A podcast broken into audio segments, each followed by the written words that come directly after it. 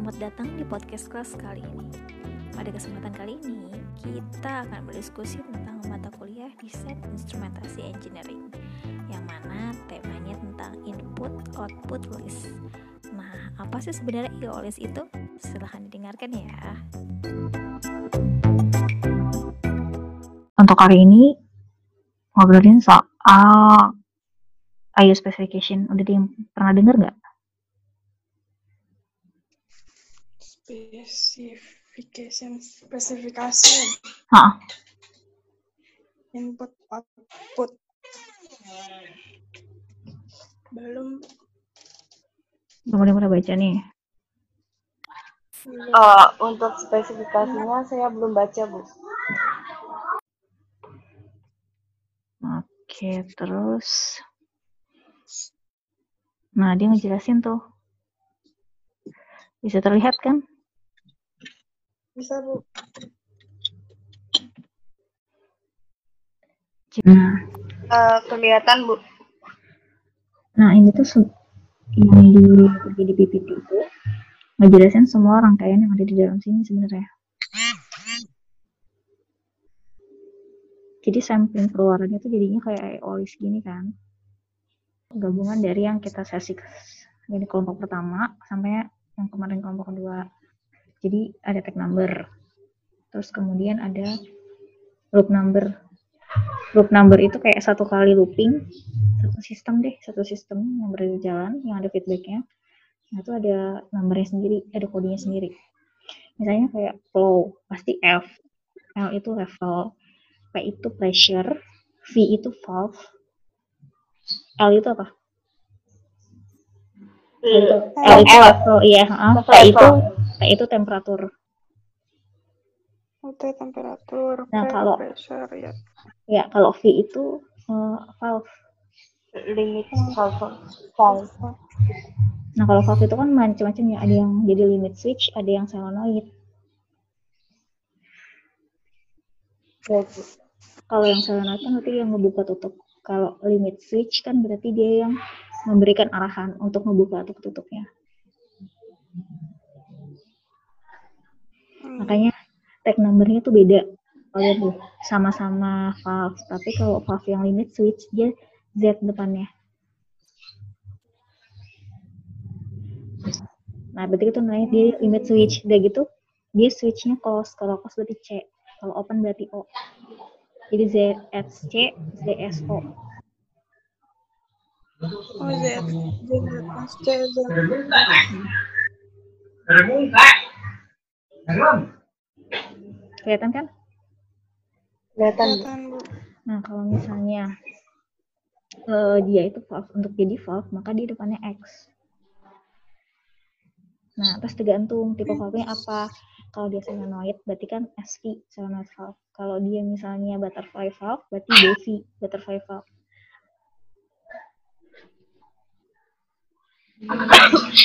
gitu. Nah, gitu juga dengan eh, temperatur. Temperatur kalau di looping number dia tetap T. Tapi tergantung si temperatur ini menjadi apa. Kalau dia ini kan contohnya indicating transmitter. Jadi menjadi eh, yang mengirimkan data, mengindikasikan data yang ada di field terus ditransmisikan kan. Makanya namanya tag numbernya TIT, temperatur indicating transmitter. Yang 0.10 nih. Temperatur. Temperatur indicating transmitter. Makanya tag numbernya TIT. Hmm, TIT. Hmm. Jadi kalau indicating transmitter pasti belakangnya IT. Nih, indicating transmitter IT. Itu, itu. Iya. Indicating transmitter IT gitu. Jadi tugasnya si di bagian ini si IO ini specification kan namanya IO specification adalah kita menspesifikasikan dari tag number kemudian eh, sebenarnya bukan dari tag number sih sebenarnya dari PFD-nya dulu. Dia mau alirannya seperti apa aliran fieldnya sistemnya seperti apa abis itu kan instrumennya kita yang bikin tuh apa aja. Nah setelah itu kita buat tuh di tag numbernya. Sama loop numbernya apa aja. Nah baru deh untuk mengetahui ini ini namanya kan IO input output list. Untuk mengetahui apa aja sih yang jadi inputan sama apa aja yang jadi output Iya, Bu. Hmm. Nah, makanya kita disuruh ngelisnya. Nah, cara ngelisnya kayak gitu. Jadi ada tag number yang pertama, kemudian loop number, dan instrument type. Tipe instrumennya apa. Nah, kemudian service. Service ini apa maksudnya? Si instrumen itu melakukan apa kerjanya di lapangan. Oh, kalau indicating transmitter kan transmitter berarti kan yang mengindikasikan nilai yang di lapangan ditransmisikan kan kirim maksudnya. Nah tugasnya si flow ini apa sih? Kan namanya aliran kan banyak liquid gas macam-macam. Nah ternyata Iya. yang flow indicating transmitter ini dia kegunaannya untuk menjadi separa di separator gas outlet berarti gas buang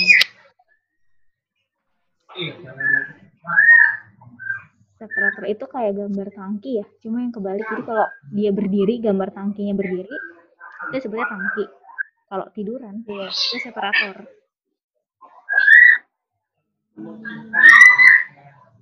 Berarti hanya beda itunya aja, Bu. Maksudnya diri atau terus kalau yang nomor satu ini kan aliran untuk di gas buang gas outlet terus ada lagi nih level oh ketinggian di separator tapi ketinggian apa nih oh ternyata cairannya adalah minyak Oh ya. Hmm. Nah, sedangkan kalau ini limit switch open berarti kan valve yang membuka. Nah, itu untuk apa? Oh, untuk separator untuk air. Aliran ke Air yang- keluar. Hmm. Jadi dari sini aja udah banyak banget ya. Ada yang dari gas, ada dari minyak, ada yang dari air. Hmm. Gitu. Nah, terus kemudian geser. Udah paham ya berarti kalau service itu apa? Iya. Berarti untuk kegunaan dari si instrumen tadi. Tapi lebih Iya, spesifik. bagus. Nah, terus maju ke PNID.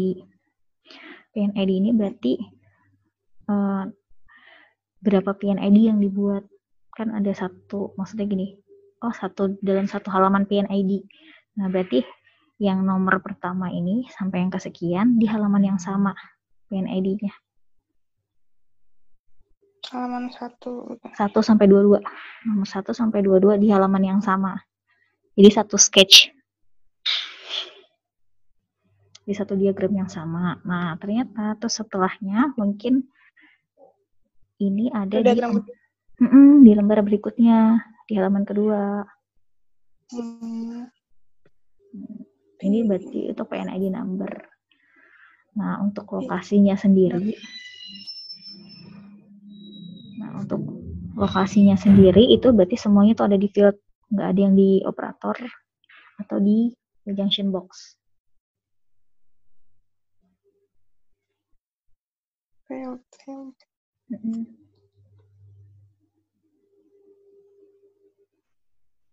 Nah, sekarang masuk ke input output tipenya. Nah, tipenya sendiri itu ada kalau AI, tahu nggak apa? Per Ya. AI itu analog input. analog input. Jadi inputnya berupa analog. Jadi si nomor satu ini kan dia apa? Flow indicating transmitter berarti kan transmisi yang mengindikasikan untuk eh, aliran kan, aliran yang ditransmisikan untuk gas buang. Nah satuannya dia itu berarti analog.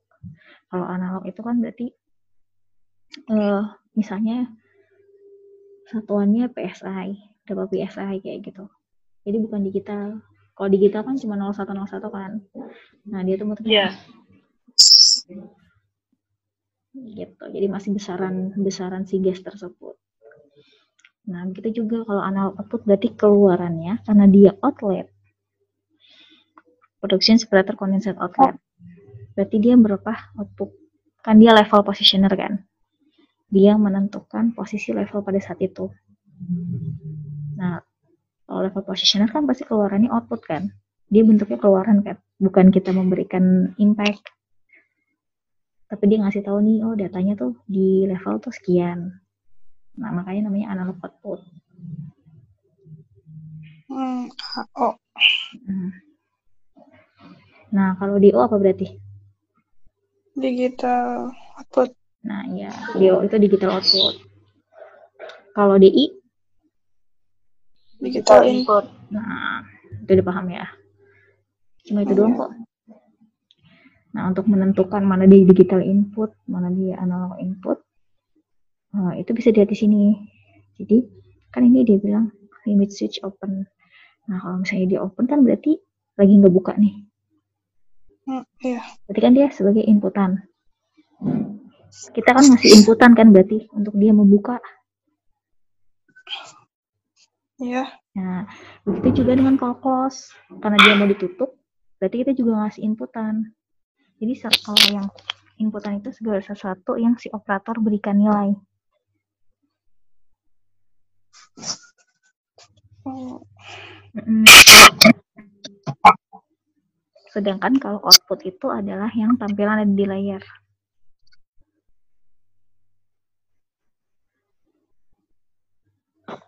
Di interface-nya ini ya operatornya ya.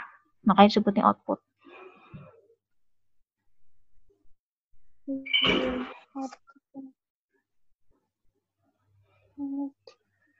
gitu nih kalau misalnya kayak gini kan eh, kalau limit switch itu pasti di input semua karena kita yang ngasih tahu oh ini tutup. Oh ini buka. Kalau misalnya misalnya segini misalnya aliran ya. Oh kalau alirannya debitnya 50 meter kubik per second kamu buka ya. Buka sekian persen misalnya. Oh kalau misalnya alirannya nah berapa? 30 meter kubik per second oh kamu tutup ya. Nah itu kan kita memberikan inputan kan. Makanya di IoT type-nya itu selalu input. Kalau limit switch. Hmm. Gimana? Udah mulai paham? Udah mulai ngerti? Iya bu, dikit-dikit mulai paham bu. Ya. Gimana coba? Sejauh ini. Yang tadi udah dikasih tahu sampai IoT type.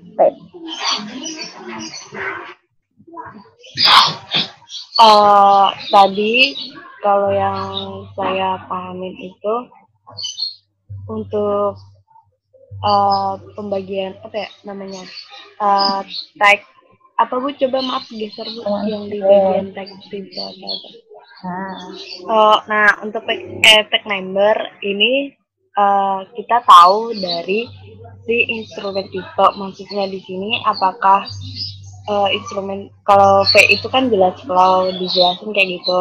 Terus kalau L itu level, kalau P itu pressure, kalau V itu valve valve-nya. Nah, kemudian setelah kayak penurunan dari si tag number ini tuh langsung ke loop jadi kayak singkatan yang lebih singkat aja kayak gitu kalau yang saya pahamin ya bu. Mm, nah terus untuk sta- eh, selanjutnya itu untuk statusnya ini eh, kita bisa tahu dari si instrumen tipenya ini apakah itu untuk produksi separator gas atau dan yang lainnya. Nah ya. untuk eh, penentuan eh, input output dari stepnya ini kita juga bisa lihat dari si service Eh, di maksudnya di bagian service product separator output maksudnya eh, kita lihat untuk keluarannya ini nanti apakah bakalan input atau bakalan output seperti itu untuk digitalnya juga dilihat dari si servisnya begitu bu yang saya pahami Oke.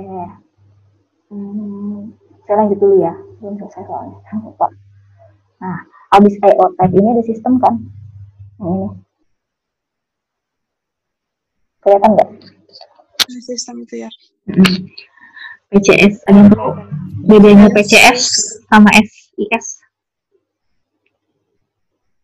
PCS saya kira basis sebenarnya bukan ya? Bukan PCS.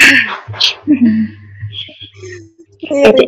Nah, ini kan karena di kolom sistem, namanya juga kolom sistem ya, berarti sistem yang dipakai atau yang digunakan. Kalau PCS itu namanya proses control system, proses pengendalian proses kontrol sistem. Jadi eh, sistem pengendalian proses. Nah, berarti si production separator gas outlet ini adalah untuk production.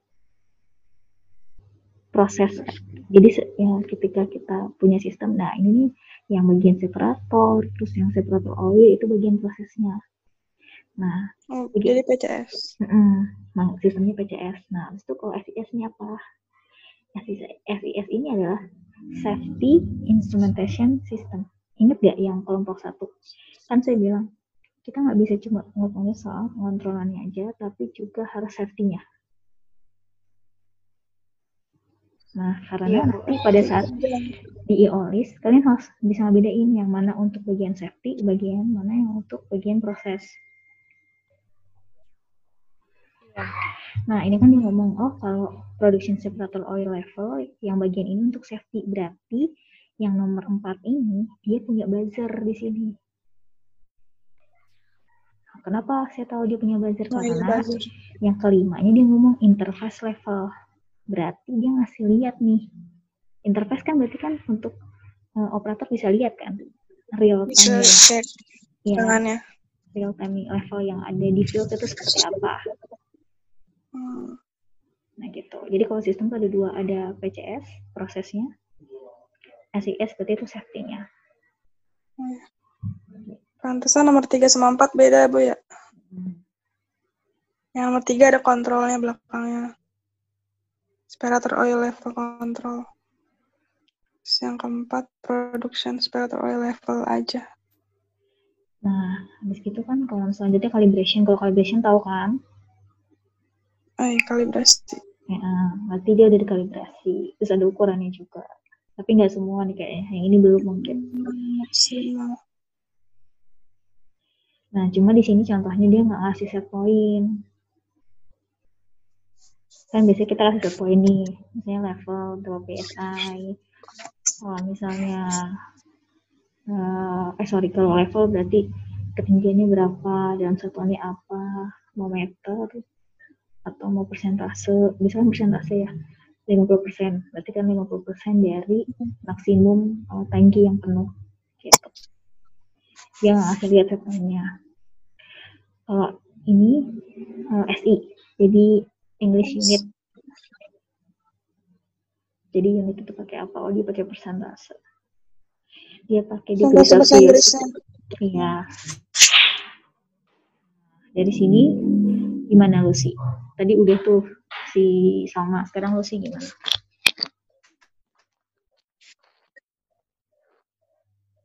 Gimana, Bu?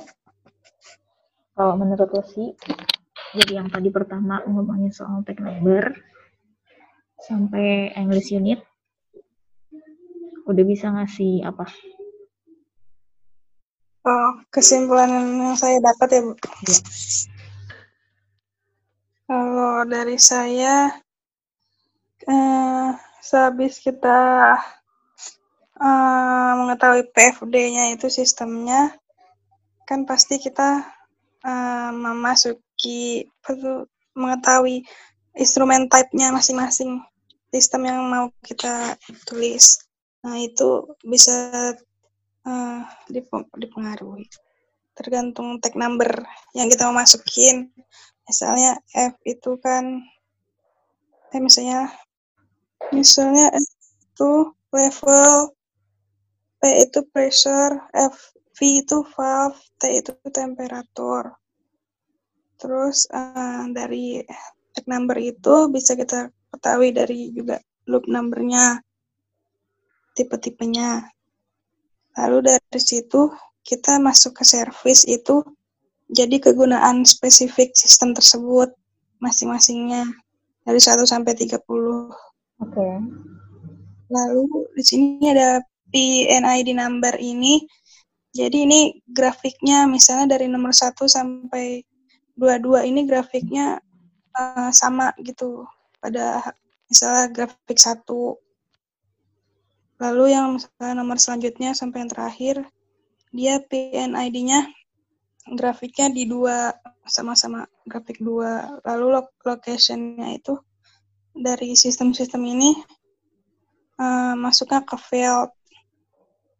Lalu input output type-nya itu ada analog input, analog output, digital output, digital input.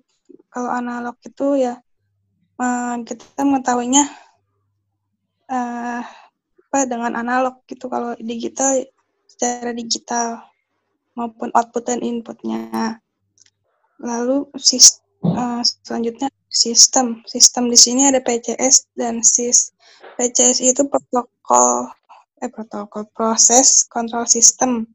Jadi itu dia uh, sistemnya diproses di sistem PCS. Kalau SIS ini safety-nya sistem tersebut, misalnya tergantung servisnya kita, misalnya nomor tiga production separator oil level control, berarti dia pakai PCS. Dan yang nomor empat, misalnya production separator oil level, berarti dia safety-nya, sistem ini safety-nya gimana. Uh, terus di dalam situnya juga ada buzzer kalau safety-nya terus kalau kalibrasi itu nilai-nilai kalibrasi minimal maksimalnya terus kalau set pointnya itu eh, nilai yang kita mau atur itu ketinggiannya berapa atau ukurannya berapa. Kalau English unit itu kayak persentase dari Inggrisnya misalnya degree Celsius ada persen-persenannya dan lain-lainnya Bu. Oke, jadi uh, kalau misalnya udah belajar PFD, bikin PNID, terus buat hookup diagram nah itu kan coding tuh yang RGP nah oh, setelah itu ya RGP report program generator RFPG ya sorry. Report program generator. Nah itu baru kita buat IOS-nya untuk tahu input outputnya sama sebetulnya instrumen apa sih yang sistemnya sedang berjalan gitu. Nah jadi si PPT saya itu 19 slide jadinya tuh cuma kayak gini. Jadi saya langsung kasih contohnya biar soalnya yang kemarin itu kelompok yang sebelumnya yang kalau satunya lagi saya kasih PPT mereka nggak punya bayangan. Jadi lebih baik dikasih lihat langsung iolisnya biar kalian punya bayangan. Oh maksudnya tuh gini. Dari sini berarti udah paham ya tentang IO specification. Jadi kalau ngobrol sama orang